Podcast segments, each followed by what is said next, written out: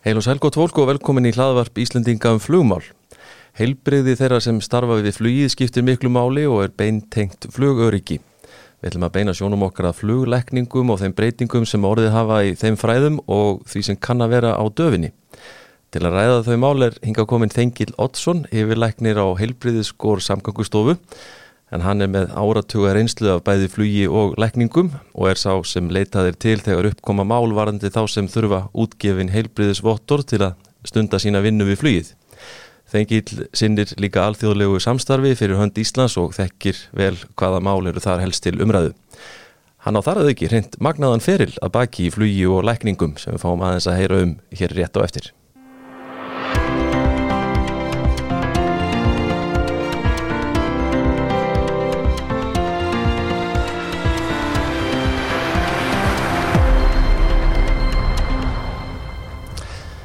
Þengil, velkomin í flugvarpið.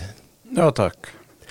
Áðurum við förum nú svona að ræða þína sérgrein heilbriðismálin í fluginu og svona ánga þess þá langum við svona aðeins að fara í, í bakgrunnin og, og hérna fræðast aðeins um það því að uh, þú er sko flugmaður og læknir, er ekki rétt að segja það? Jó, það er, það er alveg hár rétt. Reyndar var ég flugmaður aðeins og undan áður ég útskrifaðist sem læknir og hef alltaf tíð haft á, á flugmálum.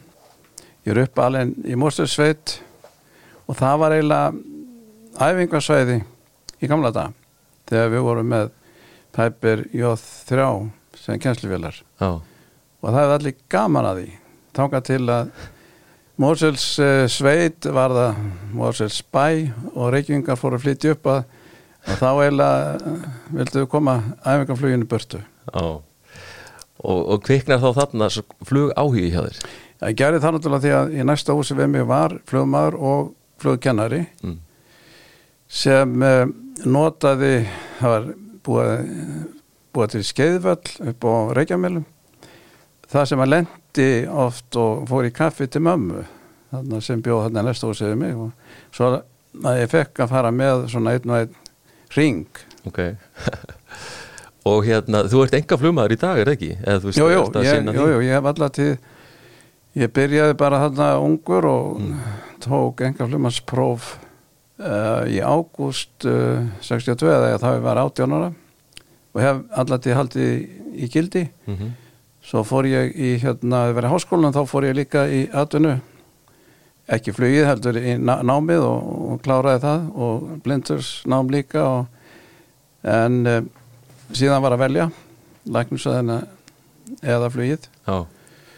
og reyndar var það þannig að, að það urðu nokkuð slísann og kannski ekki endilega að það hefði aðalega að segja að það hefði áhrif. Í áttu norðið tvö börn og, og það var svo sorglegt er að þegar við útskriðum 67 báður tveirur á háskólum og voru náttúrulega kannski eðlega, við vorum náttúrulega Eli Jafnháir og hann var búin að fá starf strax.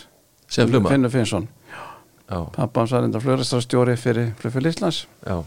og ég gæti svo sem sjálfsagt hefði klára tímana mín að fengið fljótt starf, læknir og flugmaður en, en bara einu með töndum eftir þá var hann að við vorum oft nýra á flugvelli og fengum að sitja í svona áhuga það mikill að hann settist upp í vél sem fekk að vera með sem var þetta Vestmanni mm. það var DC3 en hún fórst í aðflögi í Vestmanni Já það var austverðingur, þetta var 1967 stuttur setna þá var hérna flugjarnæri minn sem kendi mig mest Hans Ákvarsson hann hafði fengið starf í Söður-Ameríku og var komin þangað. Konans var komin á eftir honum með barnið þeirra, var komin til bandaríkjana og var búin að fara eina já, allar hans búin að vinna eitthvað í, í nokkra daga að þá fórst svo vel og með honum. Já, já. þannig að þá var það gott í bylli Þetta verður haft svolítið áhrif á því að horfa á þetta er náttúrulega viss áhrif sem síðan náttúrulega jafnaðum við segja því en ég held alltaf við Já. og hef alltaf haldið við réttindunum. Flugprófunu. En hérna ferð sem sagt í, í og verður og ferð að starfa við lækningar? Já, ég sem sagt þegar ég var í mennskólum, ég var í mennskólum Akureyri og þá sótt ég um fullbreytt styrk er bandaríksu styrkur og um, fekk hann og allaði flugurlegarskræði það var ekki hægt að læra það hérna á Íslandi þannig að ég var að fara til Norex og komst ekki inn fyrir en var að býði ár. Svo ég fóði til bandaríkjana í notaði fólkbröst styrkin til að fara til bandaríkjana Mm. og skólinn sem ég fór í hann var, var eða best kjenslan var í læknisöðu ég ákvað að pröfa það. Svo var ekki aftur Nei, þannig að ég held bara áfram í læknisöðinni ok, og klárar hann að þarna Já, úti þá klárar nei ég klára hana hérna heima. Já, En ég flög svolítið í bandaríkjónum og hérna, það var svona, ég fór bara á, á skrifstofu FAA og þeir flettu þessu upp og sáu að við notuðum annexana, æka á annexana og reyndar svona svolítið líka svona hlýðsjón af FAA reglunum. Þannig þeir séu bara fint, þú fæ bara hér validation og þarfst ekki að taka neinn prófið nýtt, þú getur bara flogið eins og vilt hérna. já, já Það myndi sennilega ekki því alveg þannig í dag Nei, og ég var nú þannig þegar ég tók hérna við sem yfirlegnir hjá flugmálastjórn Gamlu Já, að þá vorum við undirbúa að ganga í JA og ég var eiginlega á því að ég sagði að það er miklu betra bara að taka upp FAA reglunar og það er bæð út af því að það er, þær eru einfaldari. Þannig er eitt kultúr í bandaríkjónum en við erum að fást við 30 kultúra já, sem er mjög erfitt og læknisfræðin í Norður-Európu og Suður-Európu er mjög ólík. Mm og hugmyndir sem eru með, með það var til dæmis að vera að taka röntgen mynd af þeir sem öllu var að læra að fljúa taka þeim heilaritt og alls konar sem við verðum að ganga stundir sem kom bara í ljós nokkrum setna verðum bara að hætta við. Ok, út af vegna þess að það hefur lítið upp á sig. Það, þó sem sagt flestir geta vel með einhverja breytingar sem þýð ekki neitt sko. þannig að það var lagt af eins og ímislegt annað. Já, ég skil. Kominu kannski betur á því vættir En hérna, þegar þú ert búið með læknisfræðina og, og hvað er þá svona fyrsta starfið sem þú ferði í hérna heima? Já, ég reyndar fór í, á skurðdelt á landsbytalunum Mm. og var þar í eitt ár.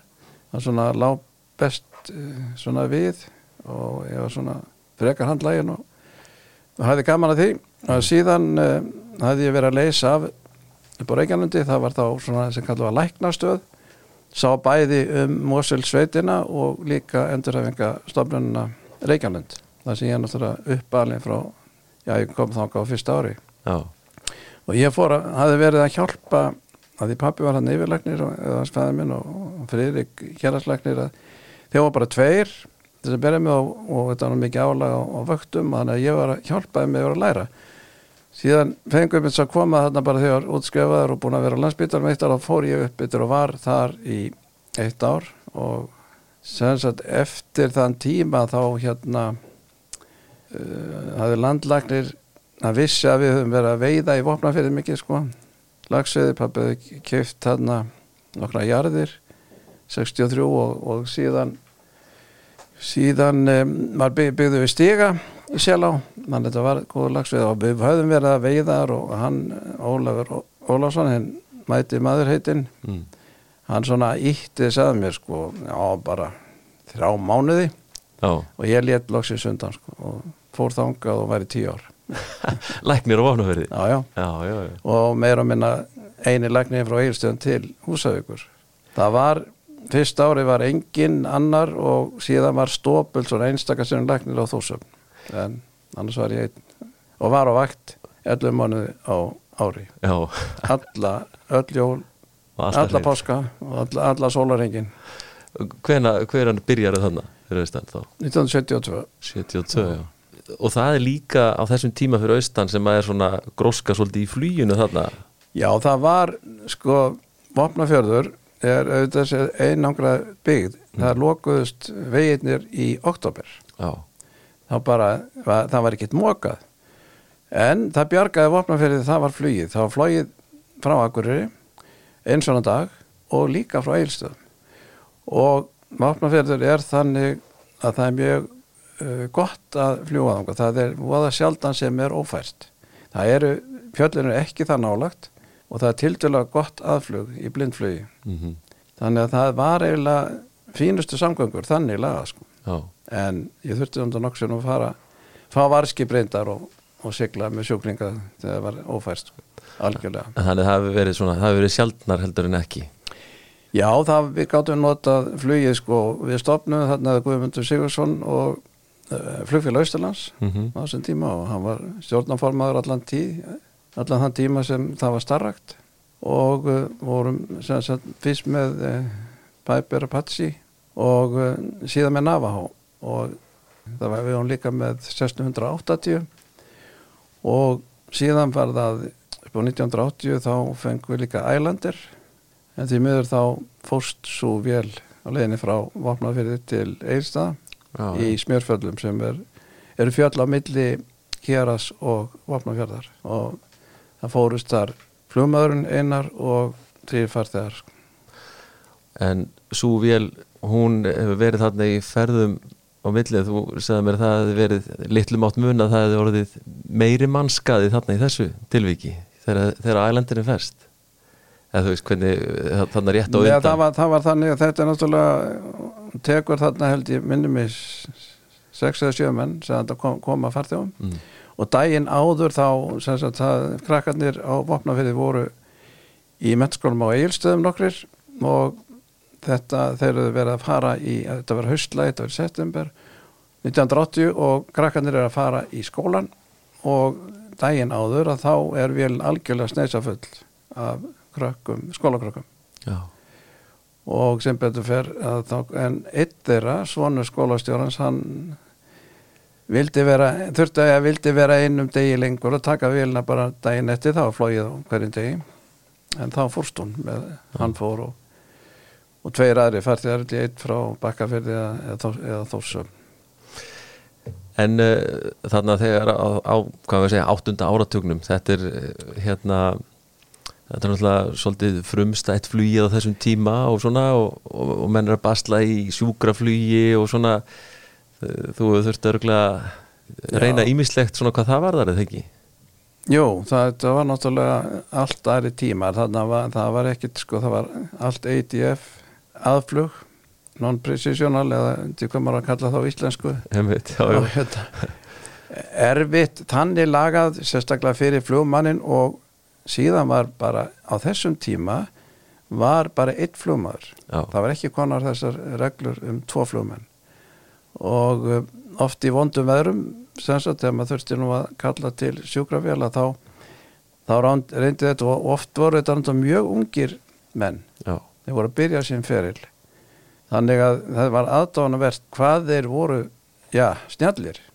Og maður lendi átt í því að, að ég var einn að basla með sjúkling aftur í í vél eins og Patsi sem var alltaf pláss fyrir sjúklingin og mig. Og svo var hann einn flugmaðurinn fram í. Og kannski í vondu veðri í blindflugi. En og það var reyndar aldrei minnst á þetta. Eftir móti í dag þá má þyrla valla að reyfa sig að þá var þetta hetju dáðir sem var, var að fremja þar því að ég var nú 14 ára á þyrlunni hérna. Já, mér þótti það ekki vera neitt merkil miða við þetta. En sem betur fer að þá, þá var það ekkit slis nema þetta þarna í smjörföllum eða ég var þarna. Það var ekki sjúkraflugi neitt slis jafnvel þó að þeir kæmi oft í vondum öðrum Einmitt, og það var reyndar bjargaði nú einu sinni einu manni fyrstugum sem hafi dottið af verðbílspalli og fann eitthvað til í höfðunni svona en, en lítið kom heim og kastaði upp og kona syngdi mig og þá er ég hans ungur og ferskur og datt bara eitt í hug og, og hérna hann hefði fengið sem sagt höfukúl brott og við það getur sem sagt farið í sundur æð og blættin á heilan og ég tók á hann mynd, sá reyndar ekkert á hann sjálfur en, en hérna gruna þetta ringdi og, en þá var Sigurd Aðarstinsson á vakt sá mæti fljómaður og góði mm. ungur þá, þetta er svo langt síðan og, og að þá svo rétt eftir ringi Tryggvi Helgason sem var þarna átti fyrirtækið og segið þengil hljóðu ég held að bara ekkert flugvöður það er frontur hérna á millokkar ég sagði Tryggvi sko að ég væri nú alltaf að skoða verið og hann var sjálfur búin að læra tölvöld í veðurfræði og ég held að fronturinn sé farin yfir og bað hann um að senda Sigurða á stað. Hann getur alltaf snúið við. Já, hann kom og þetta bjargaði hann á lífi þessar sjúklings því að hann misti meðöndum þegar hann kom til Akureyrar en það var hann mjög snjall skurlagnir sem eða bara var með borvél og boraði gat á höfðunum og opnaði. Og gætt berga honum? Já, Já, magna og það var oft þannig að í vondu veðrum þá gæti ég gefið þeim sko, því hún sjálfur gæti ég gefið þeim gott sagt, góða lýsingu á veðrunu einmitt, muna miklu sko. já, já, hafandi þinn bakgrunn svona aðeins úr fluginu Já, já. já, já, get séð það. Þannig að þetta hefur oft svona verið örgulega svolítið svona, eins og þú segir, stuðningur fyrir og þessu ungu flugmenn sem að þarna eru á þessum Já, tíma. það var nefnilega það því að eins og ég segi, þetta var gæti verið mjög erfitt fyrir að vera eina í, þú veist nú það sjálfur sem flugmaður að það er ekkit vera einn þú veit ekki með annan sem flýgur og, og þú og annan sem kontrollerar allt saman. Þú eru að gera allt sjálfur. Einmitt. Og þarna á flugvélum sem eru nú ekki er sjálfstýringum fyrir að fara nokkur Nei, hlut sko. ekki neitt. Og, afvísingabúnar lítið eða engin heilmikið, heilmikið um að, að fást við sko. En hérna er eitthvað sérstök tilviksið á mannst eftir önnur úr sjúkrafluginu hérna fyrir austan sem að minnistæðar en önnur? Já, það er náttúrulega svo sem af nóg að taka. Þann, þannig laga sko og hérna það var, var nú einu sinni þá það, hérna, sjálfs, það var náttúrulega að vera að nota vélarnar í annað, þú veist, það, það er ekki ekki eins og í dag, sjúkravél. Og það var eðlilegt bara til þess að geta hérna, haldið þessi í rekstri. Þetta var, var allt öðruvísi sko og þannig að ég pantaði vélina sem sagt þetta var kona í barsnöð og, og þetta var ágætti sveður og hérna hún er bara komin eftir já, korter bara frá eilstöðum og, og til Akureyra og, og ég er náttúrulega með og síðan bara eins og ég fekk alltaf að fljúa tilbaka svona til að halda mig líka við. Já, og hérna síðan erum við bara að nálgast opnaverð að þá, þá missir annar hefillin afl.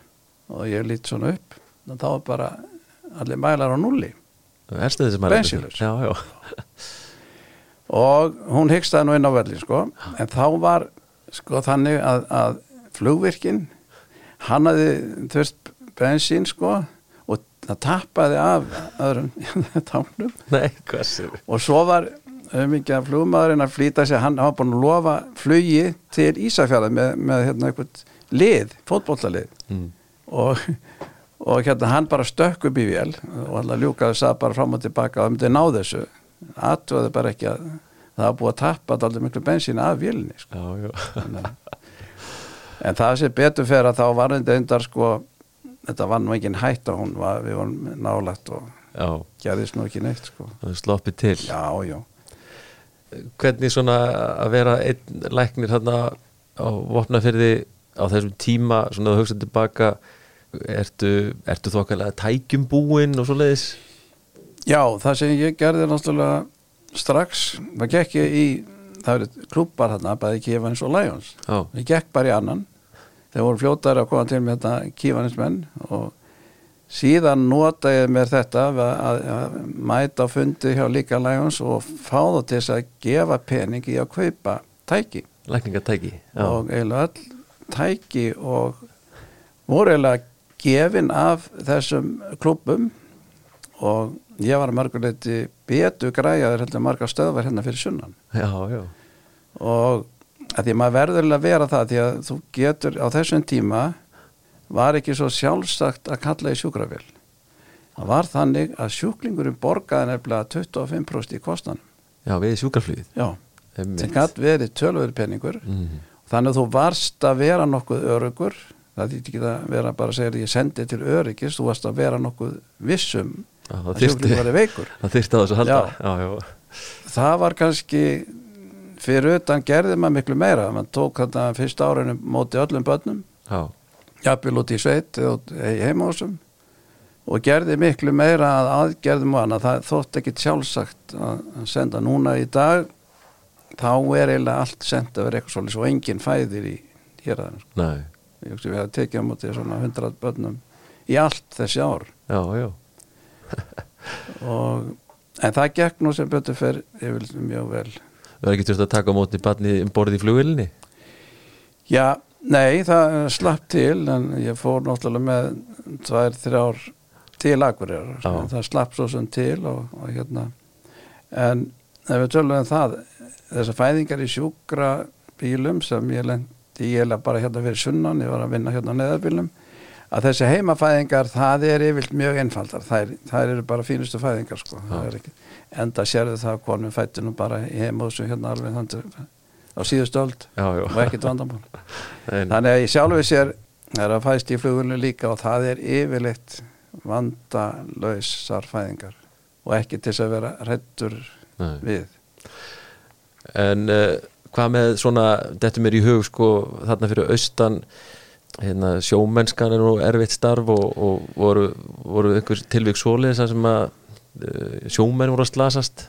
Já, já, það var náttúrulega sko einu tilfelli þá, þá um, var nú þannig að ég ætlaði að fara í frí og oft er maður notaði að því það var nú bara frí eins og ári og ég var búin að fá að sem er lækni líka að leysa mig af og ætlaði bara að hitta hann sagt á mér í leið upp á, upp á heiði ég er rétt komin á stað þá er ég stoppaður inn, inn í Hossádal það var nú ekki sko farsímar eða neitt svoleiðis. Komum bara, komum bara út á götu og stoppuðu mig og, og þá hefði orðið slís í tóra og það var verið að sigla með þann slasaða til vopnaverðar og ég dreif mig tilbaka náttúrulega og, og hérna eh, við för, það er lítið bátur hann eða svona trilla sem fer með mig út á móti hérna tóranum og, og við um, ég um borð og annað og, og undir búsjóflinga þá er það hefði eiginlega slittnað annar fóturinn af þessum unga manni þetta var tvítugum maður hefði fest í nótinni. Það var eiginlega og aðeinslega stýrimaður sem hefði bjarga lífans því að hann það bara stóð æðin beint út og, og dældi blóði og hann tók skóðfeng sinn og batt fyrir æðina. Já, en síðan voru lætið svo mikið í hérna skipstjórn hann verið búin að panta flugvél til þess að fljúa söðu með hann og vel að held að vera þetta sauma fótinn kannski á. Röggvaldur sem var frægur skurlagnir hann hafði verið að tekist að sauma á fingur og svona eit- eitthvað hérna á Íslandi áður. Sem að hafði heyrst af svona. Já, sem já. þeir, þeir eru frétta af. Nú þegar við komum í land að þá ég var náttúrulega ungur en nýbyrjar að tiltöla og þá er bara er bíl þarna og vélinn komin á braut, á, já, bara komin til vopnaverðar og, og ég stekk á stað gríp sem betur fer bara með mér tösku sem var með vökva sem kallaði og á stað, það var smikið læti í, í, komanum á stað og En síðan þegar vélni komin í hæð að þá það krassa sjúklingur sem kallað er sem að vera að vara sér svolítið á ungu, ungu mönnum eða ungu fólki. Það getur að haldi upp í blóðþrýstingi mjög lengi. En svo blætti það mikið að allt í einu var orðið á lítið blóð að þá lækka blóðþrýstingurinn niður öllu valdi. Já, gerist hratt. En sem betur fyrir þá var ég með vökva þarna með mér gat síðan haldið í honum lífinu allarlega söður með því bara títra ekki, blóðþrýstingin ekki, ekki mjög háan því að þá blætti meira.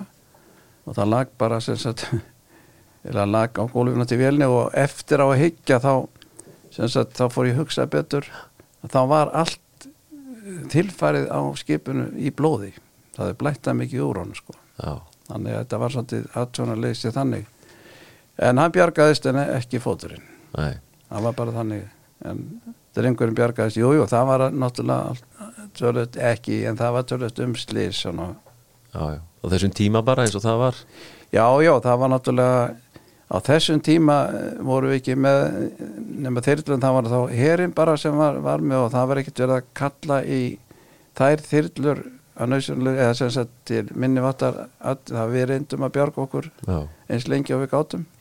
Reyndar þegar við kom þegar vélinn fórst í hérna smjörföllum að þá kom kaninn þarna í lokin því að hérna sem sagt með lækni líka um borð og, og sem sagt við komist ekki upp að þetta var upp í klettum sko. Komist ekki þar upp en herrlæknin hann komst upp og sagt bara greindi það voru allir dánir og já, þeir hjálpa já, já, þannig að en yfirlt gátt voru notuðu við ekki herþyrla það var það langt að fara austur sko.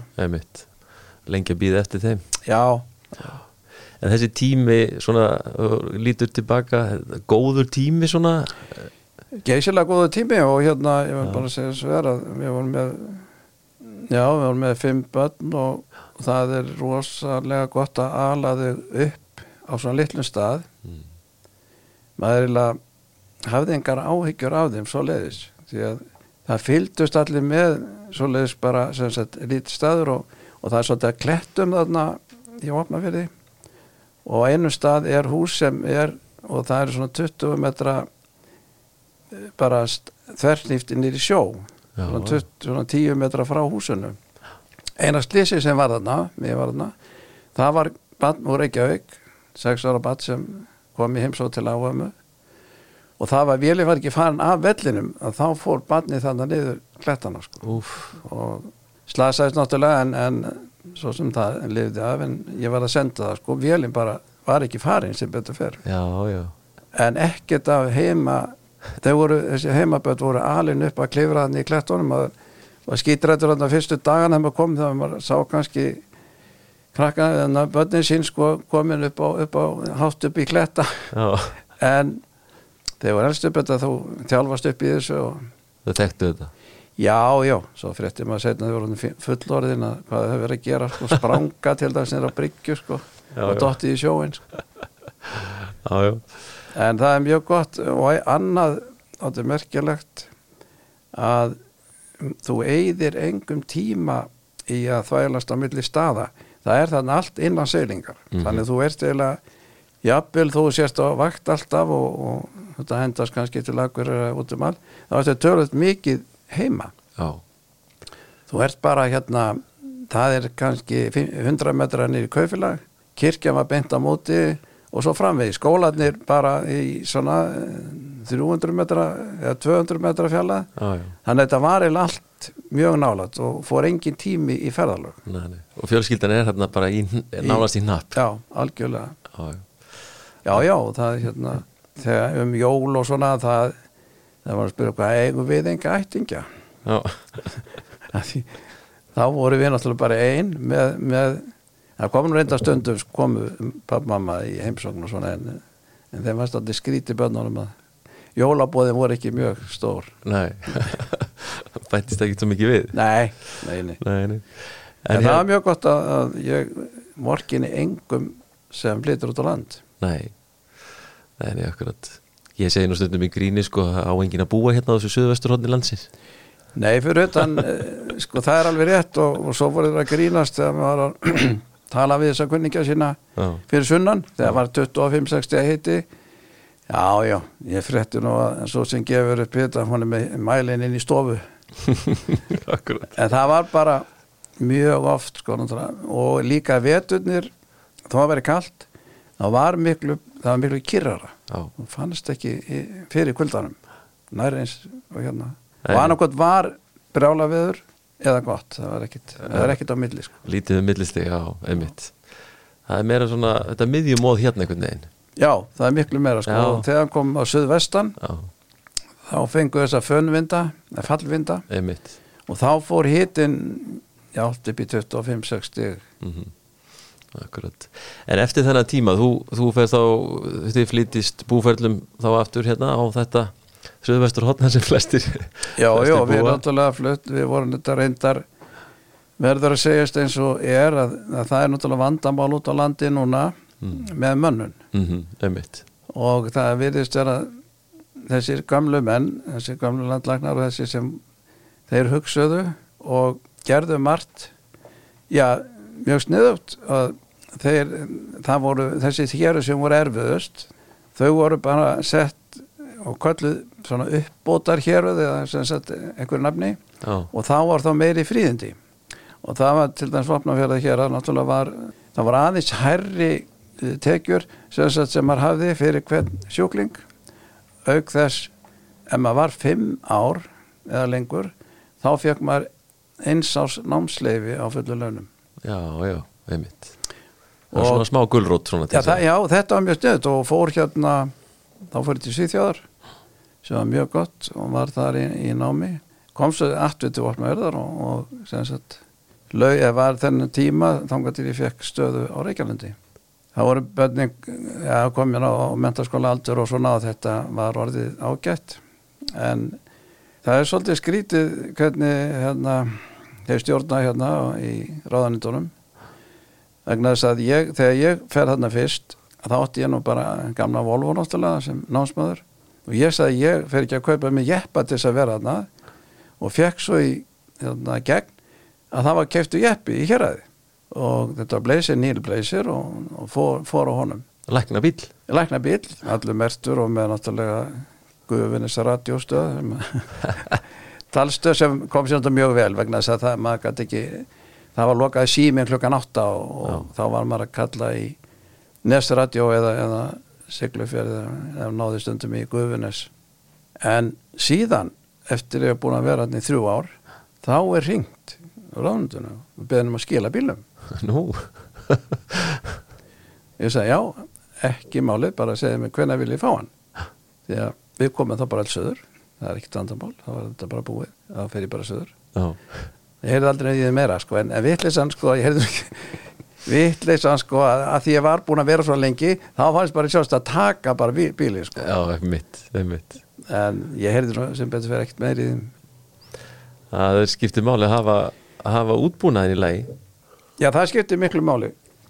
Og reyndar eh, var það á þessum tíma þá til dæmis var laurgur bílana og hann var notað, þetta var ódýr rækstu þannig, hann var notað í allt. Bæðið sem líkbíl, sjúkrabíl og já, og laurugluþjóðin hann, hann var bara sjúkrabílstjór líka og, og hjálpaði mér náttúrulega í það var engin sér, sérhæður slökkvelismadur eða neitt Nei. heldur bara að notaðist ég við lörgþjónu sem bara gekk mjög vel og þetta var mjög ódýrt fyrirkomulega og síðan í neið þá þá hendi maður bara úr hérna aftursætun á jeppanum og, og sett sjúklingan bara aftur í blöðsjun og kerið þá til akkurir það var ekkert annað að gera Nei, nei. það var svo sem var að bjarga sér það var engin sér sjúkrabíl reyndar það er svona svolítið fyndið sko eins og fóru til akkurir og svona við unga dreng sem hafi fengið svona pinna úr, úr, úr hérna það var verið að byggja sveitinni og það stóðu svona vír enna upp upp úr steipunni stóð steipustæki átt og hann datt á þá, fekk það upp og sem betur fer að það var þetta mjög hættulegt sko. Já, en það fór alla leið sem það mátti fara en ég fór með til Akureyra sko og það sem hann var síðan skorið upp og bjargaðist. En síðan þegar við vorum að fara tilbaka þá fengum við okkur á borða hann á Akureyra sko við kerðum tilbaka þetta er þryggja fjara tíma sko ferð. Já, og þá var þetta fyndið sko þá var þetta bílar í röð og ég parkeraði bílu þannig bara og svo ég kem tilbaka þá þá er mið á bílum sko sekt. Og mátti ekki parkera hann en það var fullt af öðru bílum þegar bara allir með A-númer sko þetta var eini bíli með R-númer auðvitað bæðamaðurinn já. Þetta var já, og hérna það var en, en það var bara að notast við svona það sem sem var í sjálf sér ágætt og björgunarsveitnar það eru nú betri en ekkert. Já, út um all land sko. Auðvitað. Það er björgum mann líka í, í erfiðum aðstæðum. Og hérna þegar þú ferð síðan uh, söður, ferð beint í á Reykjavlund segiru og, og hérna tekur við stöðinni þar? Já ég fórlega sko það losnaði staða þar og ég sótt um hana og, og fekk hana. Og hérna þá var ég sem kalla héraslegnir í, í hérna Álofós héraði. Það hétt Álofós hérað þá. Já, já, og reyndar með uh, 30% stöðu á enduröngast Reykjanandi, enduröngast stofnunni þannig að við samnýttum líka þarna lagnættir vakta stöðu og annað. Þannig að að það var bara mjög gott fyrirkomulag. Og, og ferðu þá svo í fljótlega framhald að því inn í, þú nefndir áðan með inn á þyrluna hjá, hjá landinskesslunni nei, síðan- síðan- setna Já, síðan var ég búin að vera í nokkur ár búin að vera en, en 10-12 ára á Reykjanandi þá fór ég svona í bara endurhæfingu. Fór inn á spítalina tók fyrst hálft ára á batnadeld og svo framvegs hálft ára á hérna kjartandeld og endaði svo á bráðmóttökunni sko, var þar dálítið lengi. Og þegar ég var þar að þá þá kom vandræði á þyrlunni sko, þá reyndar var þetta búið að vera svona frumkvæla starf til þess að byrja með og lítið borgað eða, eða sáralítið. Þannig að hann eiginlega gáðist upp á þessu að vera í þessu. En Pall Haldursson sem var þá yfirflugstjóri ég þekkt hann úr fluginu sko að því hann hann eh, kom til mín og, fekk mig til þess að ég ætla aldrei að fara í þyrluna því að nei, nei, og, en hann fekk mig til þess að pröfa. Og ég var í 14 ár.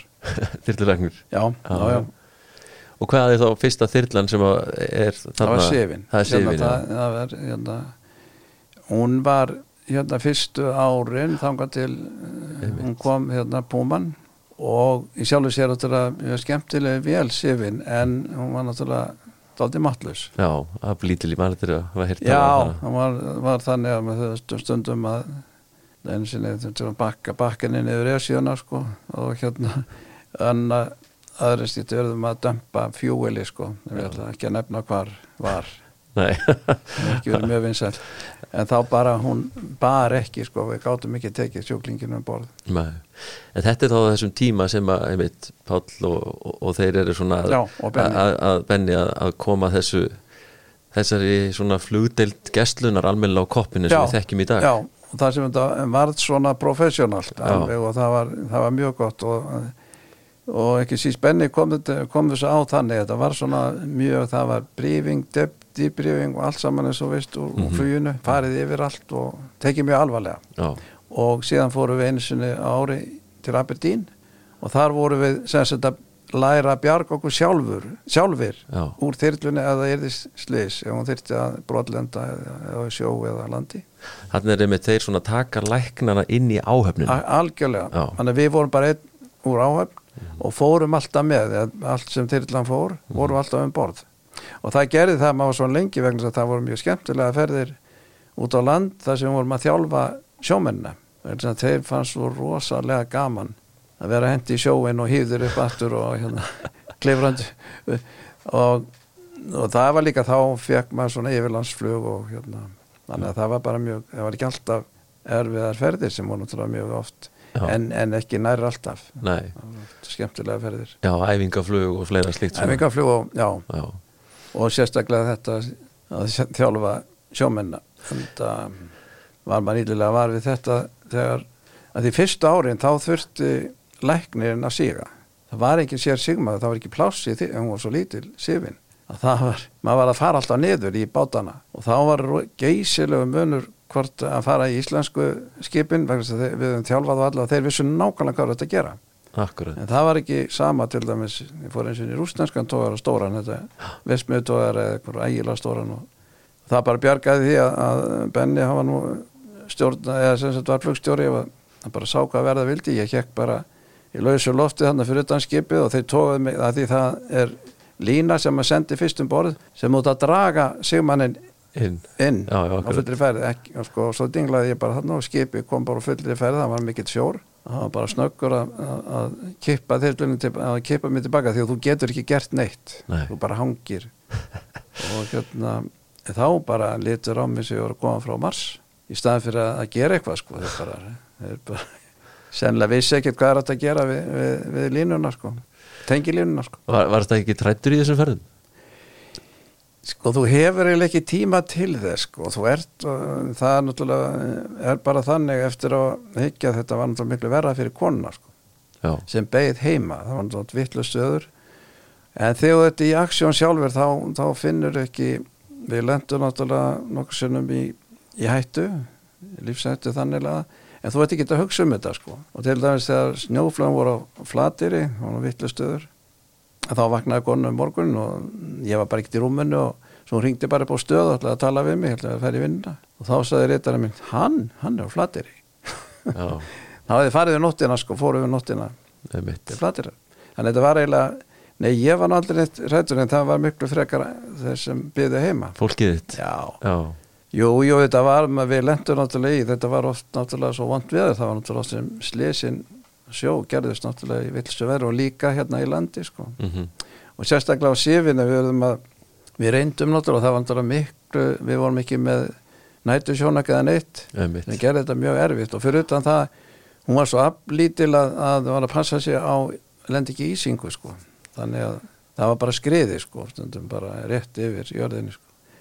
En Púman var svona leiðilega þannig er eins og að vera bara á strætó sko það var mjög skemmtilega að vera á, á sifinni sko. Hún var svo lipur og skemmtilega að fljúi henni hættur en hinnu hitt var bara eins og verið í strætó sko. Það móti kemur nóg pláss þar og, og nóg, nóg aflið. Já, já, það var nóg afl og nóg pláss og, og svo var, var ég með tvo aðstofamenn þess vegna, sko, stýrimenn sem voru voru búin að fara í kurs á bráðadeildinni að, að hérna, þannig að þeir kunnu til verka sko. Það var mjög þægilegt.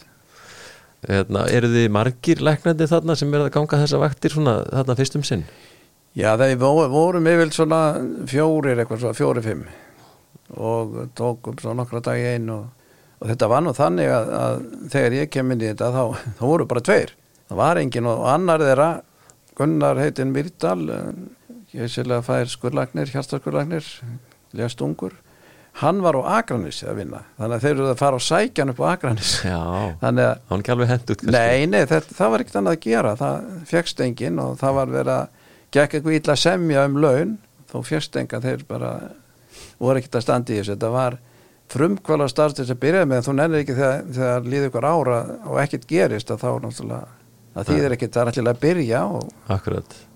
En síðan uh, var þetta leiðir eftir laun og annað menn hefðu fengu áhuga að vera þannig að ég held að sé engi vandamál í dag Þú nefndir líka hérna í þínum læknastörfum þú búin að taka smá reynslu tíma á Grænlandi?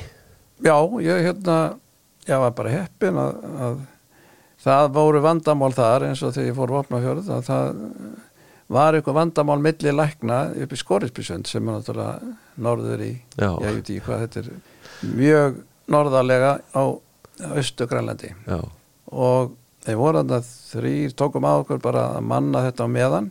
Og ég fór þarna. Það var geysilega gaman bara því að, því að í fyrsta lagi er eh, svona ríkaleg náttúra í Grænlandi. Og öðru lagi er þetta mjög gott fólk. Og uh, ég hafði lesið mikið um Grænland. Þegar ég var á vopnaverið þá las ég allt um Grænland. Það hefði mikið náhuga og þá þess tíma mjög dýrt að fara til Grænlands. Ég veit að kostaði bara 200 skrúnum önnu leiðin.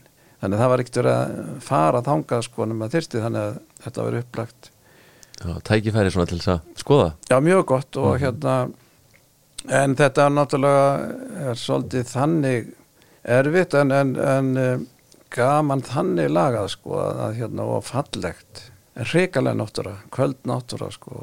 Bóstu hann bara einn eða með fjölskylduna? Nei, ég var bara einn, ég var bara, nei, nei, ég fór bara einn og Í Já, hvers, já. hversu langan tíma ertu hvað, tíu daga og hérna nei, nei, þetta var bara mjög er, maður flýgur hérna til um, Harrisfjörð uh, það er þarna fjörður sem er svolítið sunnar og svo fer maður í þyrlu til Skorpisund því að það er ekkert undirlend eða neitt eða það er bara kletti Og hvað er, eh, þegar mann er að vinna sér læknir þarna, hvað er næsti spítali? Já, það er bara, ég spurði þarna hvað, hvað væri næsti spítali sko, það var það Akureyri. Ég, bara, ég hafði ekki ég hafði bara ekkert spáð í þetta. Nei, sama á vopnafyrir Já, e- alveg akkurat og ég sagði byttunum við endi núk. Já, það er 1500 km þangað. Já, 1500 sko. Svakalega vegalendir Þetta eru svo svakalega vegalindir það er ekkit það er, og það er við græna sjökul og allt það er engin, það fer engin það þú voru að senda sjúklingin fyrst til keflaugur og það er til núk eða til kauparöfnar En hvernig eins og með aðbúna þarna, það er nú jafnvel sko ekki einu svona vegir, eða hvernig Nei, það, það var það var þarna, ég hefði þarna sex sjól sem var þetta sem var notað bæði sem eh, fyrir lögregluna og læknin eða sjúkrabíl það var svona sex sjól með palli og maður gæti sett sjúklingin aftan á. Nei, það var engin, engin, engin bíl þarna sko en eitt svoleiðis og, en, það var en, en það var spítalat og hann var eh, ágætis það var ágætis tæki í honum maður gætt, svæft og svona það var ágætis aðbúnaður þannig Ertu þá eini læknirinn á svæðinu? Já, já, já. Er, já, þetta er bara 500 manns sem búið þarna.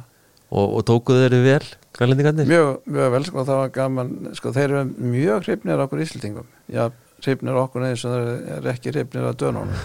já, akkurat Þá eru þeir bara mjög, eh, einhvern veginn þannig og það er nú bara þannig að þeir eru sameiginlegt, sko, þetta eru hörður náttúr eins og hérna á Íslandi. Ég tvisa að fara til Alaska á þing í sambandi við fluglækningarnar og það er sama þar. Það er þetta fólk þar, það er bara miklu með svipar okkur íslingum heldur nokk tíman Amerikanum. Svona mótaða þessari hörðu náttúru Já, akkurat. Já, já, Nei, nei, og þarna er bara, sem sagt, borða vildi bara borða, sko, grænlenska mat. Ég fekk nefnilega fyrst eh, danskan mat, fleskusteg, eiginlega fínt. Ef mikið að konan ætlaði að gefa mér það á spítalum, ég segi, nei, ég vil ekki sjá það.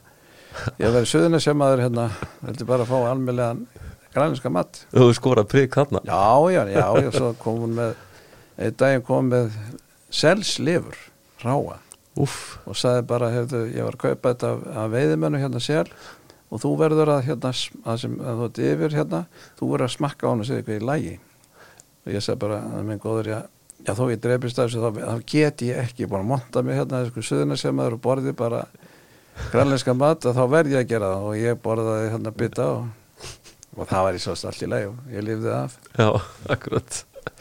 Nei, ekkert sótt í að fá því svolítið aftur. Nei, en ég hafði nefnilega fengið hérna heima sko sel og það var ekki góð, það er svona lýsisbrað af kjötunum sko. Já, en þarna var hann bara mjög gott hjá henni. Og notaði þetta, hún bjóði þetta til svona seipaði eins og íslenska kjötsúpu og notaði grænlenskar jörsti, það er þarna í skörðspilsum, það er bara lágróður, það er bara mestalagi 10-20 cm hár. Og hann setti hann úti og hann náði lýsisbræðin úr sko. það er í lengin gróður, það er bara mjög mikill lágróður sko. En ég var eins og aðri íslendingar sko að þegar, þegar ég var að fara tilbaka þá verður að býða svolítið lengi eftir að fjara tíma senkun á, á vélinn sem átt að ná, að ná í mig eða ná í okkur farþegana svo ég með göngutúrana kringur flugutur upp á fjall sem að það var, var svolítið fjallgöngur og svo því ég kem tilbaka og kemur hann að maður til mér já þetta gerir maður ekki hérna á Grænlandi sko. það fer enginn nema með byssu út í náttúruna. Auðvitað Já, já. getur hitt hérna söðunaut sem geta ráðist á þau og líka íspjörn það er ekki mjög sniðut Akkurat. En hérna, fórstu bara í þetta eina skipti eða? já, ég fór bara í þetta. Var bara verið að bjarga þarna Já, málum. málum. Já. stuttan tíma en það var alveg þess virði sko.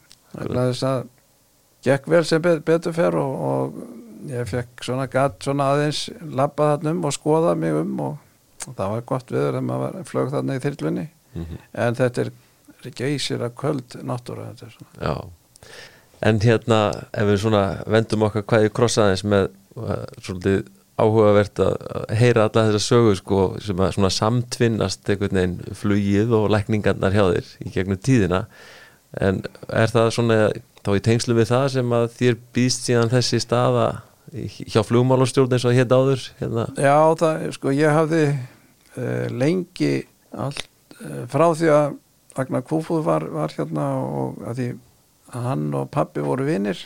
Já, og þeir þrýr hérna, hann og Björn Pálsson og pappi keftu flugvél á sína, sínu tíma. Minna þetta er kásett eða eitthvað eldgömmul já, já, já. við keftu hana og þannig þeir voru miklu hérna vinir allir og, og hann eh, var búin að orða við mig að koma og vera þarna sko yfir fluglækningunum. Sjálfur Ragnar já. Já, já, og geti þá flogið þarna flugmálasjóna vélinni sem sagt aukalega það var þá bítskraft minni mig. En hérna síðan fór inn á austur og það var aldrei neitt úr í og hann var ekki lengur til staðar. En ég var búin að vera sko fyrir austana þá kefti ég flugvél KLM og var svona með kom fekk þarna ungan hérna flugkennara Brynjól Sigurbjörnsson til þess að koma, hann kom með vélina austur ringdi í mig og því að hann vélina var, var hérna fyrir sunnan bróður minn hafði sett hana saman hann er flugvirki. Og hann hefði séð vélina og vissi að ég bjóði strófnum og spurði hvort hann ætti ekki koma með vélina. Já. ég segi, guðanabænum ég get ekki, ég get ekki farið úr hér að og hann kom og síðan var hann bara allt sumarið hjá mér og, og kenda á já, og ég fekk leifi flugmálasjóna til þess að, hérna, skrifa út þarna og þannig að ég blandaði strax inn í þetta já, bara strax Þarna, hann svo fyrir þegar ég kom austan suður að þá var ég nokkuð fengin í nefnd svona þegar var búið að taka réttind af flugmönnum og þeir kærðu og eitt kærði til hæstur réttir þannig ég var búin að vera í því. Síðan kom vandamál þegar við gengum inn í jóða að þeir sem voru í fluglækningunum þeir voru allir venslaðir. Já, það var Úlfa Þórðarsson heitinn merkis, merkismadur og hann var bara með frændur sína. Og það eiginlega passaði ekki almennlega sko. því að ef þú sem flugmaður varst ekki ánaði með, með fluglæknin þá, ekki, þá, var bara, þá fórstu bara í næsta en það var þá ná frændi. Já, einmitt. Að líklegt, að fengi sömu niðurstöðu. þetta var nú skýringin svona hjá mér en, en allavega fenguðum við til þess að fara í þetta þegar við gengum í jóða. Já, já, menna vilja reyna að fara að koma svona einhverju formfestu á þetta. Já, og svo, svo var náttúrulega líka því ég var fljómaður og var, var búin að vera heilmikið og svona allavega að taka að mér einhver mál sem hefði verið kærð og síðan bara ílengtist í þessu Akkurat. Hvenær er það sem að þú ert að taka við sko svona þessari yfirleikni stöðu sem að þú gegnir enn í dag? 98 98, já. og það var svona á fullu undirbúningur við að, ganga inn í flugverkissamtök Európu Jú, og síðan hef ég verið í þessu og svo var það reyndar lagt niður sem flugumálastjórn og uh, fór inn í samgöngustofu en það er náttúrulega sama þetta er náttúrulega bara deild þar já. En svona, eins og nefndir sko hvernig þetta var hérna áður, hvernig, þetta er vantilega fyllt sko fluginu frá upphafi að menn að vilja sko fá eitthvað stimpil um heilbriði. Já, það er náttúrulega bara sko þetta já, 100 árið eða meira sko þetta byrjaði og byrjaði til dæmis með litblinda flugumenn og það byrjaði ekki í sambandi við flugið. Ég kannaði þannig að það byrjaði út af því að það eruð einhver slís af játbreytum og þá hafði, hafði viðkomandi eh, stjórnandi játbreytum kyrt á rauðu. Og það kom í ljós að það var litblindur. Og þeir voru með græn og rauð ljós í samtöku játbreytunar Mm og það byrjaði eiginlega, það var byrjað sem sagt að, að útiloka menn sem voru litblindir. Síðan smán saman þróaðist þetta upp í svona almenna skoðun á hérna um heilbriði flugmanna. Og ráttúrulega bandaríkin eh, voru mjög leiðandi í þessu byrjaði um flugið þar og, og uh, síðan hefur þetta bara sem sagt uh, þróast og síðan á tímanbili voru menn mjög strangir bara að fjast eitthvað smá gáttaflögt sko þá varstu bara útilokaðir Já. allæfi Já, og svo framvís það þurfti ekki mikið. Nú er þetta reyndar með nútíma tækni og rannsóknarmöguleikum þá er þetta orðið miklu eh, lengur sem menn geta flóið þó eitthvað sé að. Mm þannig að þetta, maður verður að fylgjast vel með og það er þróun í lektursvæðinu allri einu vandamáli hjá okkur í fluginu er að við tökum þetta ekki upp fyrir að komi reynsla á skilur að það, það því, þó að komi eitthvað nýtt upp í lektursvæðinu eins og ný lif já, það var til dæmis með blóðþynninguna þegar menn fengu gátt af tif sem var ekki hægt að lækna að þá með tímanum fórum við að gefa en leifits að fljúa með því að þeir voru á blóðþynningu Já. vegna þess að hættan á að fá hérna, heilablæðingu er mikil eða með gátt af tif án þess að vera á blóðþynningu. Og þetta voru erfiðar þá veist að láta mæla, mæla þetta á kannski viku fresti hérna gildin og breyta livja, livja gjöfinni og ekkert einfalt mál og uh, flugum, flugum bara hættu. Síðan komu ný liv og nú í dag það bara tekur bara eina, eina töfla á dag og það sér um blóðþynninguna og þú getur flóið þú sért með gáttatif. Já.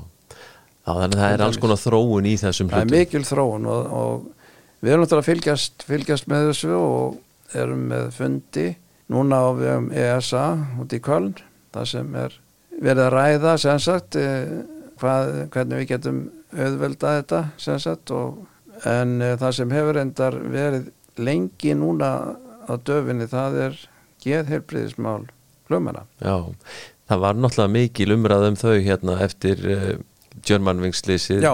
hérna fyrir nokkrum árum 2015 held ég að verið já. og svona, þá verður svona mikil umræð um, einmitt, geðheilbriði Geysilega, geysilega mikil, mikil og eiginlega fór svona í yfirsnúning eiginlega. Ég tel það nú vegna þess að þetta er bara ekki svona einfalt og uh, sá sem fremur sjálfmörð það er eiginlega úti lokað fyrir venjulegan lækni að finna það út hvort hann er geðlækni og sálfræðingur eiginlega nefn hann verður að geysilega klár já, En ef hann finnur líka út að hann er fjöldamorð ekki líka, að þá ertu ofurmenni. Vegna þess að svona eins og þarna er maður sem er, já, bæði fremur sjálfsmorð og, og myrðir hann 150 manns. einmitt Þannig að þetta er, ekki, þetta er ekki einfalt en við erum að reyna að það sem var þar að þessi maður var nýkomin út á gæðdelt og þeir sem það mætti ekki fljúa. En eh, þjóðverjar voru með þær reglur að það var ekkert gefið út. Það var, mynd, máttu ekki senda neinar skýslur til flugmálastjórnar Þísku um viðkomandi flugmenn sem betur fyrir að vera breyst í dag en þeir hafa sjálfst verið brendir af Stasi og nazismannum þar sem þeir vissu nákvæmlega hvað þú gerðir já, hvað þú fyrst oft á klósettið og svo Já, já, akkurat. Eða hverjir heimsóttu þig. En þannig að, að ég þekki þennan lækni sem skrifaði þennan flugmann út. Hann kom eins og hérna því, í úttækt og hann vissi greið ekki neitt. Nei, ekki hann bara kom til hans og fekk læknisvottur og myndist ekki að var koma beint að- að að er kannski, hvað maður segja, persónuverndin öllu hérna ríkara. já.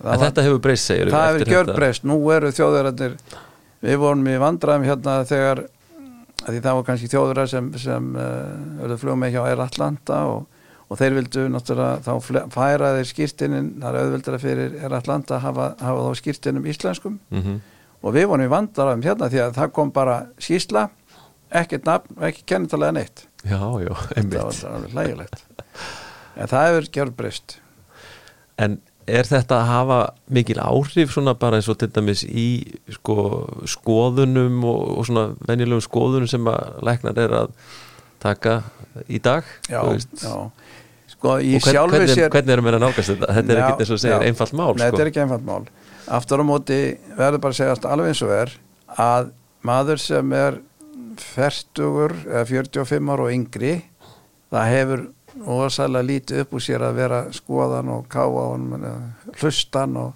og allt saman. Þú finnur mjög lítið.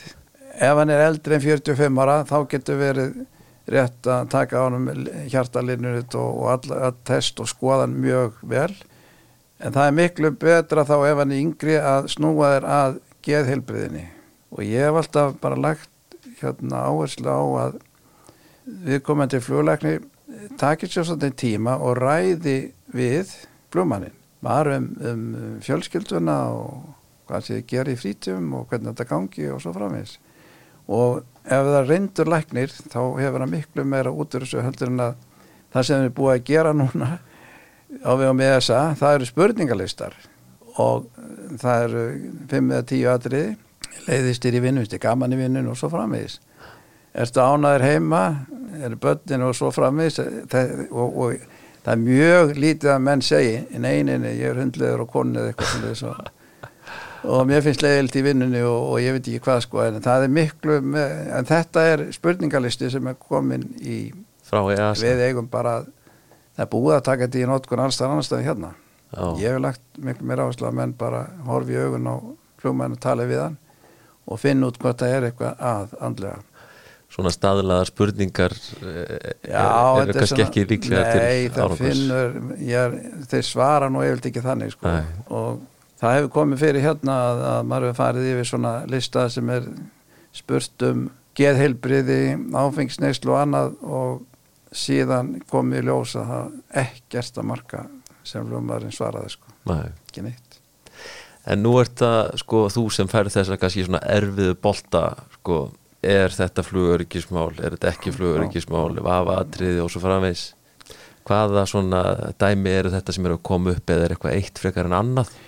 Nei, nei sko, aðalega náttúrulega mitt mál er að, að ég fær náttúrulega þessi tilfelli þar sem þeim er neitað um það sem fluglæknirinn sem skoðar neitar að gefa honum út helbriðsvátur Mm. og það er eitthvað að hvað sem það er líkamlegt eða andlegt eða annað og, eða lífjanótkun og annað og það sem ég þarf að fara yfir og í fyrsta lagi gera mig grein fyrir hvort þetta sé flugörgismál eða ekki. Og þá kemur náttúrulega mjög gott að vera flugmaður Já, og vera, vera sem sagt vegna þess að maður sömu lækna þeir skilji ekkert í þeim sem hvað, akkur má ekki fljúa þessi. Einmitt. það er bara eins og að menn er að keira norðurleiði og, og hann verður eitthvað veik og þá bara fer hann til kant og stoppa bílinn en það er ekki svo gott í þóttu flugvel en eins og ég segi það eru, eru fullt af málum sem að verður að sko reglugerð er reglugerð og þetta fer við eftir henni eins og við getum. En það er ekki að búa til reglur um allt. Og það sem er stundum verður maður að fara þessu út fyrir reglurnar því að það er, það er bara pass ekki út af viðkomandi sjúkdómi. Og þá verður maður bara að dæma hvort eða gera sér grein fyrir er þetta einhver hætta í við flugið? Og uh, það er náttúrulega oft í sambandi við hjartað og, og sjónina til dæmis og, og náttúrulega litblinduna að það er ekki, það, þú getur verið litblindur þó þú sért color safe sem við kallum og það er, þá ertu litblindur á vissu leiti en, en þú þekkir þá liti sem eru sem sagt kritikal sem eru nöðsynleiri flugi að þekkja sko. Já, já, það er ekki alveg þannig að sem litblindur bara sé úti sko. það verður, hann fer í nákvæma skoðun getur verið litblindur upp af vissu marki sko. já. Þannig að þetta er kannski eitt af, eitt af þessum dæmi sem að, svona, þróun hefur orðið. já, já, Já. og náttúrulega kom, komin eða betri tæki til þess að pröfa þetta, heldur hann var En talandum svona þessi svona geðheilbriðismál og því tengt, nú er sko mikil umræð um þau mál, það er hérna, það eru margir sko, fleiri nokkur sinni sko að leita sér aðstóðar varandi til dæmis ADHD og, og svona alls konar veikindi, hugans getur maður sagt, er það ekki? Eh, jú, jú, jú, jú, og, og, og þá sko niðurstaðan úr því er kannski einhver lif um, getur þetta haft áhrif? Já, þetta er mikil áhrif við, sko, í, í fyrst, í bara einfalt, öll geðvirk lif eru bönnuð. Geðvirk lif eru þau sem hafa áhrif á heila starfsemina. Það er ein tegund lifja sem hétt Prozac í gamla dag, Sertral og þetta. Gleði pillur sem sem við kallum þetta. Já, Það er notað við kvíða og þunglindi og við accepterum það fyrir flugumenn sem eru vanir, skilur, sem eru, það er ekki accepter að þetta byrja, byrja að læra. En það geta allir fengið krísur í lífinu, geta fengið kvíða, jafnvel þunglindi tímanbundið og þá er þessi tegund flokkur gæðlefa leið. Aftur á móti eru mörg önnur og flest önnur sem eru bannuð. Í sambandi við ADHD sem er svolítið sér Íslands fyrirbriði við greinum það tvissunum meira heldur en allar aðra þjóðir með þess að bandaríkjum, bandaríkjum. Öll þeir lif eru, eru sagt, þetta er svona lif sem, sem eru náskild amfetamíni. Amfetamíni er eitt af þessum eiturlifum sem eru misnotuð mikið. Þá sem stefut með hamlandi ADHD og þart lif eða mikla aðstóð að þá er það ekki leift í flugi. Það er sjálfs allt í lagi að vera með enginum ADHD Flest, margir eru með það og það hefur ekkit mikið að segja. Þeir geta alveg fungerað í lífinu. En þeir sem þurfa lif eru útilokaðir. Og það er bara þannig að, að eitt af aðal engjannum er oft að, að þeir geta bara haldið aðteglinni á einum hlut í einu. Og, og ef þeir takk ekki lifin þá er það alveg út úr korti þeir sem eru með þennan sjúkdóm virkilega sko, á því stíja það þannig meðallan og í flugin er bara þannig að, að, að það er allt í lægi, allt í lægi og ekkert gefum fyrir en í neyðatilfellum getur reynd mikið á flugmannin jafnvel á, á hérna aðra meðlimi já, sem segja bara flugfriðunar eða flugþjónuna í björgunaðgerðum að það þetta geta sem sagt, þess flugmaður getur þurft að stjórnarflugurinn nummer eitt, stjórninni hann þarf að geta tala við farþjóðana hann þarf að geta lesið neyðarlistan eða sem sagt farið yfir neyðar, neyðar hérna, leiðbynningarnar og hann getur þurft að tala við flugstjórn. Þetta gerir ekki maður sem getur bara einblitt sér á einu hlut. Einu hlut í einu. Einu, bara, og fólk verður að skilja það. Og fólk skilur þetta ekki. Já, hann fungerar nú óðalega vel sko ef hann á þessum livjum og, já, ok. En ef hann gleymi livjón Já. og hann er í 12 tíma flugi. Það er mjög leiðilegt að þurfa að kalla í hátalan hvort einhver farþegin sé með ADHD-lif ja, það er náttúrulega fyrir flugstjóran þess að hann geti haldið áfram fluginu. Og það er svona, fólk skilur þetta ekki alveg en maður reyna að skilja þetta og það er svo sem hafa leitt eða svona, þau hafa komið á fund til mín þarna fulltrúar ADHD samtangun og skilja bara ekki uppnið niður í þessu. Nei. Hvernig stendur á þessu? En þetta er, finnst mér mjög áhugaverð sko að því í, í allir þessari umræðu sko, þetta er bara orðið svo mikið um þetta eins og þú nefndir. Þannig ekki áttum að þetta væri svona við værum með metið í þessu eins og maður Lang, langsann efstir. Já, já, og þrisa sinni meira en nokkur önnu Norðurlanda þjóð þetta er svona umhugsuna verðt sko, líka mitt bara í tengslu við þá sem að, já, hafa vilja vinna við flugið Já, vegna þess að, að hérna þessi lif, er sko í bandaríkjánum ég, þeir segja og ég hugsa að sé rétt að það er 80% er þetta ekki rétt greining og ég er alla já, bara einn í viku cirka sem vil læra að fljúa hann er, með, hann er á þessu lifjum og er með svo ég er að, maður er að afgreina þá Já, er það þannig? já, já. og þá er, þá er það eh, verður að fara til sálfræðings og fara í mjög nákvæma afgreiningar próf að því að búið að greina viðkomandi með ADHD sálfræði próf sem kallað er. Já, að því hann er komið með greiningu bara inn í, ég er búið að greina hann og komin á lið, kannski búin að vera lengi á þeim. Einmitt. Því miður og, og þessi krakka grei hafa áttur í sett á þessi lif og að tilefnis litlu. Einmitt. Og þetta skemmir fyrir þau sko, fyrir þeim. Vegna þess að það er bara því miður sem er læknar láta, láta börnin á þessi lif og það pröfa. Og það er ekki gott, leksía, það er ekki gott. Vegna þess að til dæmis uh, klukkan 5-6 á daginn og þannig döð þreyttur leiður á bókunum nennir ekki að lesa það neitt og færi þér eina rítalín að þá peppast allir upp vegna þess að þetta er bara dóp. Og betur. mér alveg sem að það sé eitt bjór mann líður hefði vel. Og, og þetta er nefnilega ekki greining. Þetta er ekki frá mér, þetta er frá amerískum hérna sálfræðingi sem einmitt sagði þetta, þetta væri varasamt að segja farðu að prófa þau vegna þess að þetta er alls ekki greining. Það er bara mjög þægilegt að eða taka, taka amfetamin það friskast allir upp. Já, en til lengdar að þá er þetta náttúrulega bara eins og hvert annað dóp. Og það sem verður það það í, nú erum við farin að gera uh, random test sem sagt. Það er svona test sem eru tekin bara próf sem eru tekin af flug áhöfnum til dæmis rétt áður en fara í flug þá er tekið próf að þeim uh, við tökum upp hérna munvarspróf og þá greinist fjöldi livja eða, eða, eða, áfengi eða, eða ávanabindandi liv, amfetamin og svo framvegis hass og annað greinist mm. og þessi ADHD liv þau myndu slá út positív Mundu greinast í Já, svona já. Já, akkurat og það er sem skemmtilegt fyrir viðkomandi sko. Nei, þá er akkurat. Sjálfsagt kallað í lögreglu sko.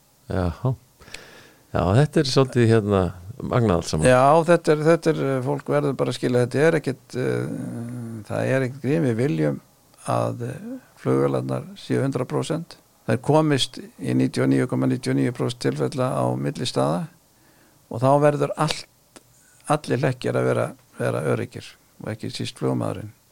Há rétt. Vegna þess að það er nú bara þannig að ég er nú búin að stóttir að all flugslýs bara fór uppafi og, og það er bara meir en 80% tilfella að þá er það flugmaðurinn sem bregst en ekki velinn sko. Það eru yðurlega minnst ágústi eins og orðað contributing factor Já, Já, í slísum, mjög mikið. Vissulega. Og allt er þetta mannana verk á einhvern hátt. En hérna fyrir ekki aðeins út af þjóst að spyrja um þess að geðfræðikröfu það er búið að gera nú kröfur um það að þeir sem eru að byrja, byrja að, að læra flug til að fá uh, hilbíðsvottorð Já, að þeir verða að fara í nokkurs konar hérna geð, já hvað maður að segja já fara í skoðun helst til sálfræðings eða geðlagnis í geðfræði já í geðfræðislegar hérna, rannsóknir það er komið í, kemur í reglugjörð þannig það er þannig í dag fyrir útgáfu í fyrsta sinn. Já, Já, við erum reyndar ekki búin að taka það í það er komið í mörgum löndum öðrum en ekki hjá okkur en þá þannig er þetta eitthvað svona EASA reglugjör sem er ekki orðin já, komin í full það gildi það er hér eiginlega það sem þið mæla með frekar sko Já, það sé eitthvað svona geðrannsókn gerð En eh, málið er náttúrulega munun á okkur og öðrum löndu hérna Mm. að við erum með sameiginlega gagnagrunn, heilbriðis gagnagrunn. Þannig að við þurfum ekki að gera þetta eiginlega. Við, það að við getum eiginlega flett þessu upp í sem kalla sögu, kjærfinu, þar sem allir landsmenn eru skráðir og, og þeirra heilbriði. Þannig að við þurfum er ekki, hinnir þurfa þessu vegna þeir, þeir komi, geti ekki komist að því hvort það er eitthvað eða bara það sem þú segir sjálfur og þeir geti ekki flettir upp. Mm það er bara ekki hægt. Þannig að þetta er allt annað umhverfi hér á Íslandi. Þessu leitinu til svona já þessi veitum til. Já, og vonandi eitthvað betra. Já það gerir náttúrulega þann möguleika að það er erfiðara að segja ekki rétt frá og, og Já. hérna, það, er, það er erfiðara sko. En hérna, við erum búin að nefna þetta svona í tengslu við náttúrulega flugmennina fyrst og fremst en það eru fleiri stjettir í fluginu sem gangast undir reglulegar heilbriðis skoðanir skoðanir, er það ekki? já. Hvaða svona bara til upplýsinga svona fyrir þá sem eru að hlusta já það er náttúrulega bæði, flugfyrir og flugþjónar þau, verða að standast ekki sömu kröfur og flugmennir en töluvett strangar kröfur. Og uh, þar til dæmis mátt ekki vera flóðaveikur frekar flugmaður. Og þú mátt ekki vera með hamlandi ADHD til dæmis mm. og svo framvegis. Þannig að það, það er vegna þess að skulum segja alvarlegu flugslýsi þá getur verið að bæði kannski hafa flugmyndi látist eða þá að þeir komast ekki út og það þurfi viðkomandi flugþjóðn eða flugfriðar að taka og stjórna Mhm. aðgerðum, björgun aðgerðum þá verður að vera vel fitt. og það eru vissa gröfu bara líka um þyngd En eins og með flugvirkja til dæmis sem koma að svona og jú, þeir, þeir, þeir eh, lengst af ég er ekki alveg kláraði hvað það sé það er lengst af eru þeir að, að uppfylla það sem kalla klass 2 Akkurat. og síðan hefur verið spurning um aðra sem vinna á hlaðinu sko, hvort að þeir eru ekki að gangast allavega undir undir þessar, já, maður að segja áfengis og fíknefnapróf því að það getur verið mjög alvarlegt ef þeir eru undir áhrifum eða fíknefn og annað því að þeir geta þurft að loka þessu hlutum vel og það hefur nú komið fyrir slis, stórslis út af því að það var ekki rétt gert bara. Þannig, þannig að það hefur verið talað um það líka sko. Þetta er í rauninni bara með hugsa um það geysilega stór þáttur í öryggi flugsins að allir þeir sem koma að því og er að vinna í tengslu við flugvélarnar séu í lagi. Já, það er, það er frumskilirði mm -hmm. og það séu allir hlekk, hlekkir heilir vegna þess að, að, að það hefur komið í, í, í flugslýsum þar sem, sem hlaðmaður eða hlið, hleðslumaður hef, hefur ekki lokað rétt orðið slýs Já, til dæmis bara. Og svo hefur líka þessum var sett á, á elsneiti það hefur komið fyrir að það hefur ekki rétt.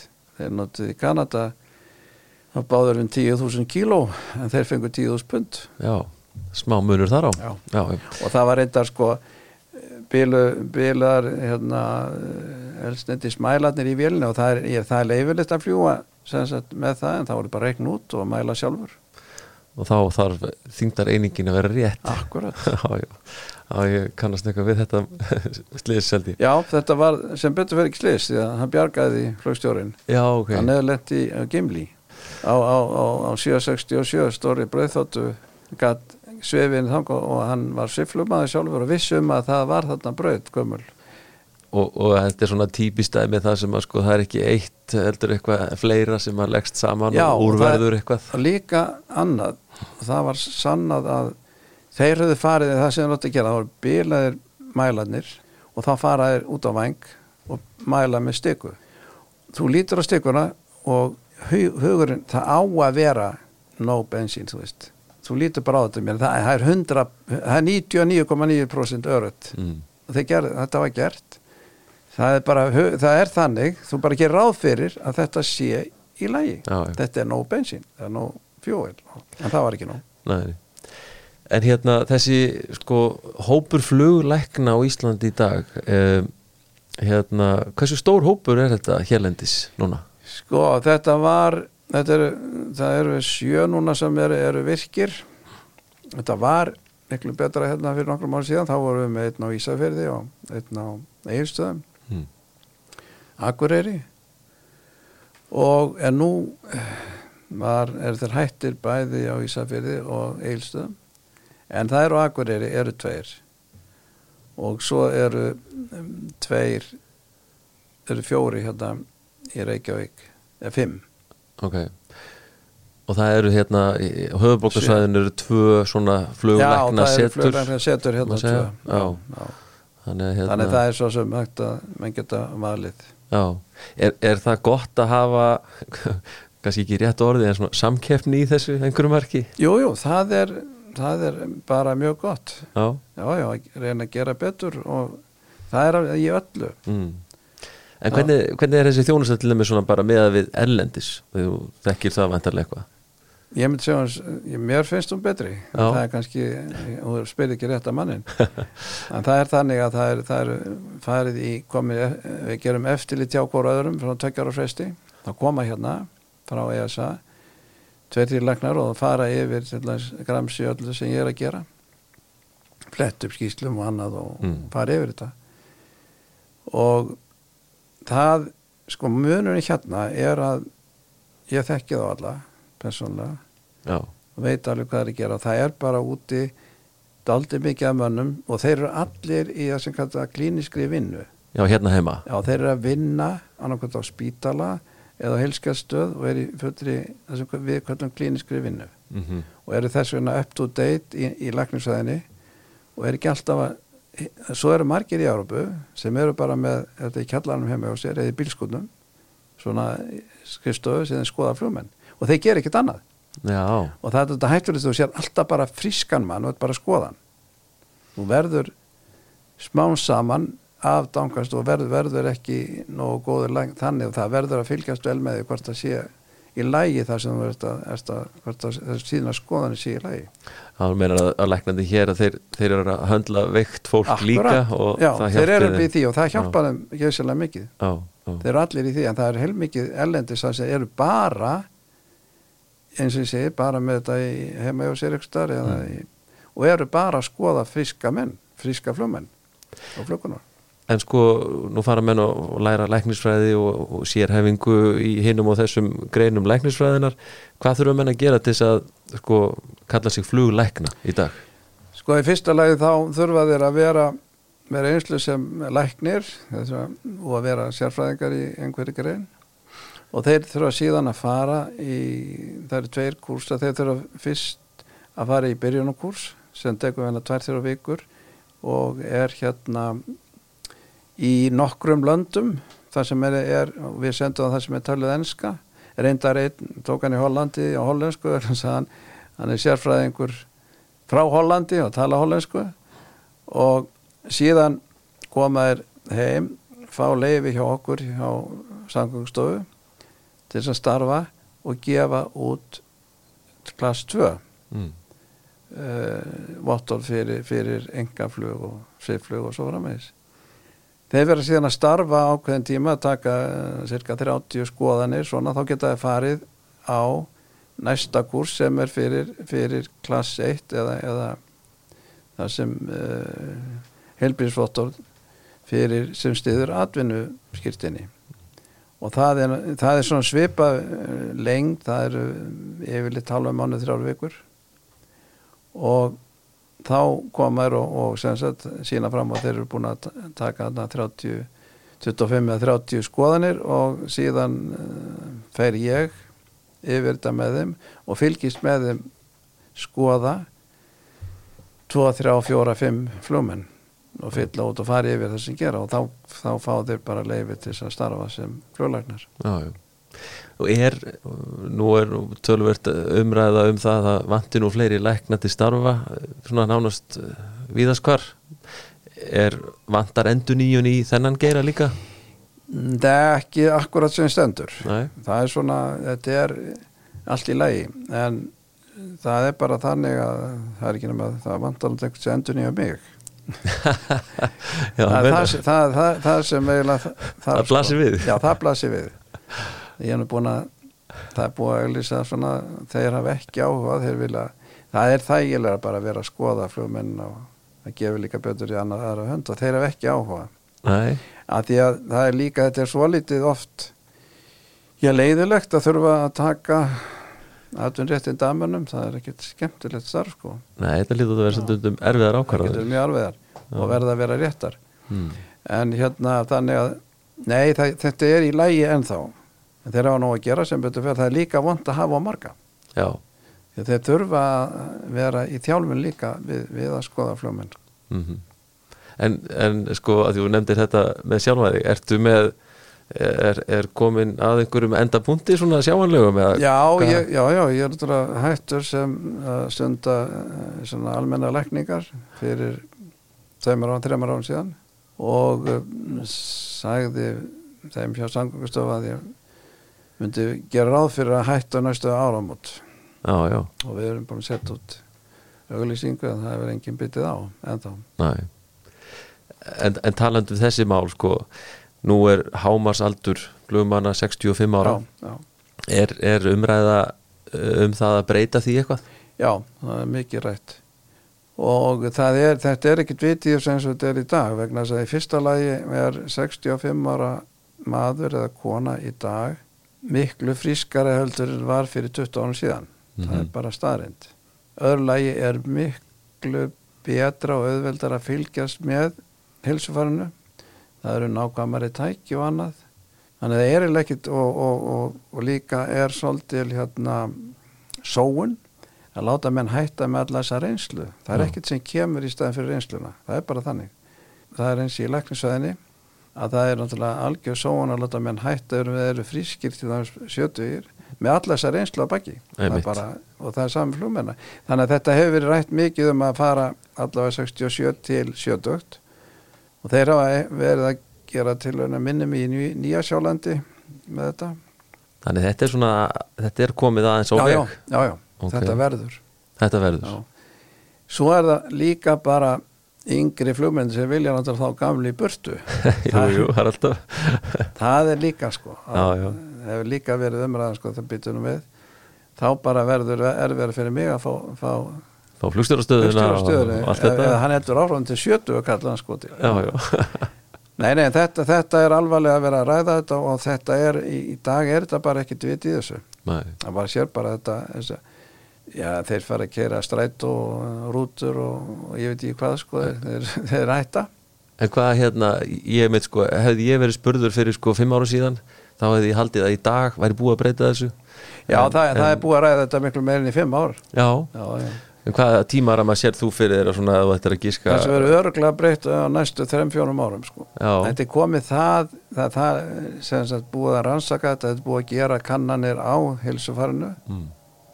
og, en það er alltaf viss öll, sko, sem já, já, eru, eru sem eru, eru svona sem treg til. treg til sko, Já, og ekki síst bara yng, yngri flugmenn og annað sko. Já, já. Svo snýst þetta kannski um uh, lífeyri sjóðamál og, Já, já, og já, akkurat. réttindi og alls konar Það er hluti svo sér það í að Fraklandi í dag Jú, jú, allt er akkurat. vittlust út að, að þeir fara upp í 60 hvað fjara ára. Já, já, mitt, það er ennþá neða þar. Já. Já, já. en allavega þetta er á fullu og er að ræða þetta á hverjum fundi Já, það er áhugavert að fylgjast áfram með, með þessu og, og eins og þú segir það sérst, byrjað að prófa þetta eitthvað í, í já, já, já, já, þeir eru byrjaðar að, að prófa þetta og þeir eru ekki í ESA sko náttúrulega þeir eru Einmitt. sjálfstæð eða, eða þeir eru bara geta svolítið ráðið sjálfi þeir eru náttúrulega verið að fara yfir IK og reglurnar en það er hægt að gera atmak sko, fá undan þá. Mm En talandi um EASA uh, þú hérna nefndir nú áðan sko ef þú hefur fengið ráð þá hefði nú bara verið næra að taka kannski FAA reglurnar og slíkt. já, er þetta, er þetta flókið batteri eða eitthvað við? já, mjög flókið sko. það er það og hérna það er miklu einfaldara í bandaríkjónum en máli er að þegar ég var nú að tala um þetta þá var þetta bara eins og að nefna snöri hengsmanns húsi sko. Bara mjög ekki gráðum fyrir því að bara í bandaríkjónum bara kiftu með réttindi bæði e, blindflugsréttindi og allt saman bara borga fyrir það og færði það. Mm. ég var nú að benda um að það að e, flugu er ekki þá er það nú bara betri í bandaríkjónum heldur í Európa sko. Já, það væri svo skrítið. Og þeir eru til dæmis með í atvinnflugi en þá í dag 1500 tíma þar sem við erum komið með krakka með 200 tíma hérna einmitt. í herrasætinu en þeir eru með ennþá með 1500 tíma í ekki, ekki leiguflugi eða, eða, eða minni flugfélagunum Nei, eða svona stærri svona, Stæ, já, já, stærri flugfélagum já, sem er með áallunarflug þá þarftu 1500 tíma. Já, já. og þeir, og þeir voru farið fram á þeir breyttu því en þeir hafa ekki viljað hlusta á það telja þetta bara sem sagt örugara En þetta, en menn eru svona eh, allavega er það svona mín tilfinning að menn svona eins og hér heima eru svona að reyna að þetta kannski einhverja leið líka að búa til sko sér íslenska reglur samhliða, er það ekki rétt hjá mér eða hvað? Svona reyna að því að menna stundum bara á kannski ekki Jú. alveg við þessi evrópski veruleiki inn í íslenskt umhverfi. og það í sjálfið sér er hægt, við til dæmis engafluginu, við erum ekki að fljúa við bara eh, kann- kannski tveir, þrýr ári sem fljúa yfir annar land. Mm. og eh, ef þú ert í Európu, við Európu þá ertu bara rétt konum loft og þú komin yfir, næsta, yfir á næsta land sko. Einmitt. yfir næsta land, þannig að það, það er ekki svo gott, þannig að þeir eru skilja, þeir, það er hægt að fá undan þáur Mm. þeir skilja alveg sérstöðuna hérna í, bara í sambandi við það. Þannig að það er hægt og því að við erum ekki að ángra aðrar þjóðir með okkar flugi. Einmitt. Annað sem að lítur að hafa haft mikil áhrif eins og þarna inni er þeirra hérna, breytandi ganga út í, Brexit og, Jó, og það. er alveg skjálfilegt mál vegna þess að breytar í okkar samstarfi ESA var mjög gott að hafa þá. Já, þeir reynda og daldi frekir oft og fara sín eiginlegur og segja bara við höfum bara langmesta reynst í flugi í öllum heiminum og þegiði bara. Þetta liggur við sko, það var mjög gott að hafa breytana já, og nú er þetta bara hálfgjörðu óvinnskapur sko. þannig að ég það, það breyti sem til dæmis er ráðinn til Atlanta með 17.000 tíma hann verður að koma hérna bara í, í skoðun eins og hann, eins og hann uh, ég væri bara að byrja, byrja að læra. Já, þetta er náttúrulega fáranlegt hann er búin að vera í ESA í, í 20-30 ár 20 ár og, og svo, svo hérna skellur á, á Brexit og þá verður hann bara ef hann ætlar að fá íslensk skýstinni þá verður hann gerð spil að fara í allt. Já. háls, neð, augu, allt saman. Þetta eigur flækjust í svakalega mikið. Algjört. og ekki kannski sístum þetta sem þú segir fyrir breytana sjálfa. Fyrir breytana sjálfa? Alveg svakalega. Já, og þetta er svo að mann horfa hann byttu þessi maður, já, hann er búin að vera í ESA í, í tíu ára, hann komið með 15.000 tíma já, og ég þarf að fara að senda hann til auglæknir sér og, og HNE-læknir og, og ég veit ekki hvað. Taka úr lúnamynd og alls konar hérna. Nei, þetta er svona eiginlega dálítið skrítið sko. Já, já, og þetta er, að því þetta er sko menn ger í það, þetta er það er svona óvinnskapur þarna milli, milli EB og brettana skilur ekki alveg gróum heilt. Nei, langt frá því. Já, og það er ekki eins og þannig að menn geti sko, þú veist, verið með EASA fund og breytarnir eru svona einhvern veginn með eða við, jú, við, við læknandir erum að bjóða þeim okkar sérfundi. Já, við erum með sérfundi bara læknandir sem er ekki í samandu ekki haldir í kvalni ekki, þeir eru frutan sko. Já, það sem við erum bara já, já, og við bjóðum brettunum með sko. Já, að er þetta, þetta er meira sko svona professional fundir sko.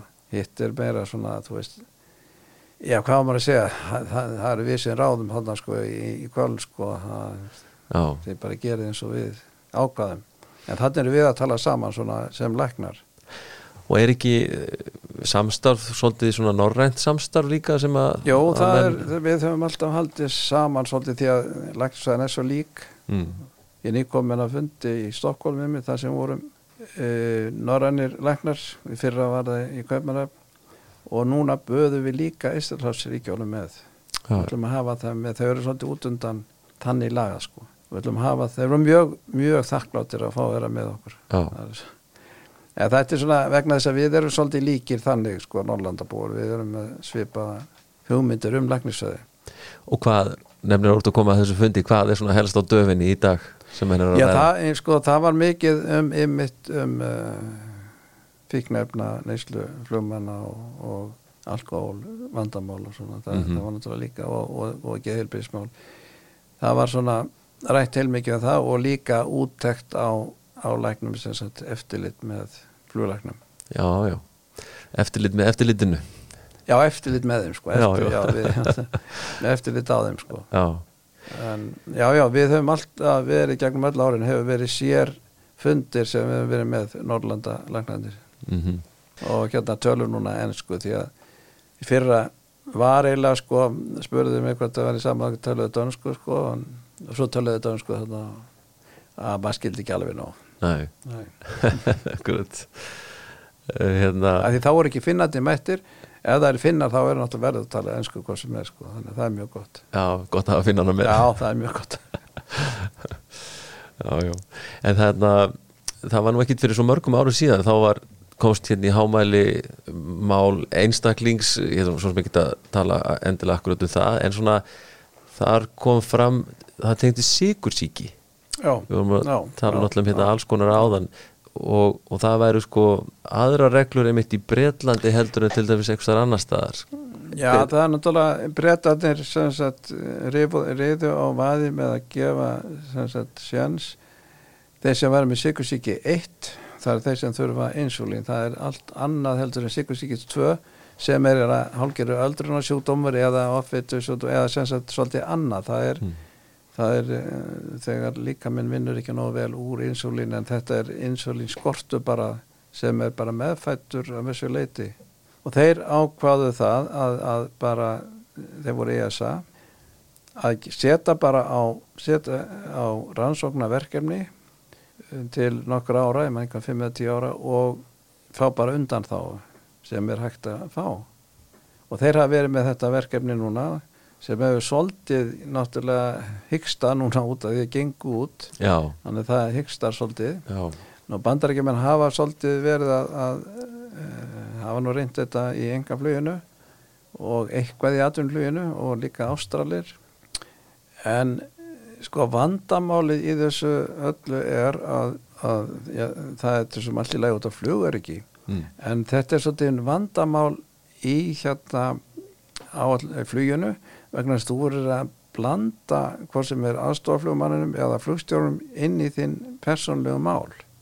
Þú verður að vera að mæla þig reglulega, þú verður að líka að informera flugmannin eða flugstjóran Mm að ef þú færist sigur fall að þá verður, þá ertu með björgunar penna eða, sagt, eða, eða drikk til þess að drekka og, þú, og það verður þá hann að vera klára að gefa þetta. Þannig að satt best að segja þá hafa nokkri gefist upp á þessu breskir því það er daldið pínlegt þegar að byrja á því þegar stóru flugfélagi þú ert ekki alltaf að fljúa með sama manninum og þú kemur að byrja á því ok, nú mælið, þú er að mæla tveim tímum fyrir brott för og svo aftur á, áður þú ferð á loft síðan haldjum fresti og síðan fyrir lendingu og ef þú ert ekki alveg eftir bókinni þá er rangt að gefa þér insulin eða þá að drekka mm sigur, laust og mælað aftur þetta er ekkit einfalt mál. Nei, en það er þetta að hafa þetta þannig að þetta sé alveg örugt fluguriks vegna. Já, en þeir hafa gefist upp út af því að þú ert að blanda verður að blanda öðrum inn í þetta alveg sko, hann verður að vera tilbúin jafnvel þú líður út af að gefa þér sprautu Mhm. sem, sem hérna skulle segja að þú verður sigur fall að gefa þá sprautu sem kemur sigrunum í lagatur en ef að, sagt, ef að kemur núna til þín uh, maður sem að með sigusíki eitt já, sigur skitt að þá, þá er það í rauninni missir þá missir hann já. já, og við rættum þetta í fyrir þetta á hérna í, í Norrlanda þjóðan í Kaupmannöfn mm, og það var menn voru ekkert á því að lefa þetta sko. Nei. Nei, ekki ennþá. En hérna, þú ert ennþá í fullu fjöri þú farir að hætta næsta áramót. Hvað, Jú, jú, jú, það, það er alltaf leið þannig sko. Ég, ég, bara, maður verður bara að hætta áður maður fyrir að gera nokkra vitleysu sko. Já, Nei, það, er- nei, nei, ég er alveg fullu fjöri og, og ekkert að þannig. Geta alveg unnið að fullu en, en maður verður svona ég bara vita hvena maður á að hætta. Það er betra að maður hætti sjálfur að maður er látin hætta. Já, já. Það er það hefur komið fyrir að, að, að sko læknar hafi ekki hætt og það er orðið bara að láta. Það er, ég vil helst ekki að það veri þannig, ég vil ákveða sjálfur sko. Já, þú nefndir að væri búin að sko hætta í læknarstörfunum fyrir tveithrum árum síðan. Já. En er það þannig að, að það sé svona lína í sandin hvað var þar Já, það var, jú, það er lína sko, ég er mm. bara sagt upp sem yfirlækni, ég hef búin að yfirlækni í 30 eitthvað ár, bara sagt upp. Og svo var ég bara fenginn í svona sem kalla tímavinnu. Já, sem var rosalega gott að losna við allavega yfirlækni því að, að því þá var maður að leysa þessi vandamál sko, öll að já, vandalækna og vandar þessa vakt og þá var maður að taka hana sjálfur. Mm. en það er reynd að búa aðeins, það er búið að létta þetta þannig þú ert ekki bara reykir, það er ég var bara beðin um að halda áfram. En um, það er aðeins að breyta sko. Já menn eru svona að færa þessa Já, línu aðeins já, til svona eftir þörfum. En það er, en það er aðalatrið er bara að fylgjast með mönnum og láta það hætta áður en fara að gera ykkur vitlisur það er bara, það er bara þannig. Já, já, og helst ekki, og helst að maður sjá það sjálfur. Akkurat, akkurat. Já, já.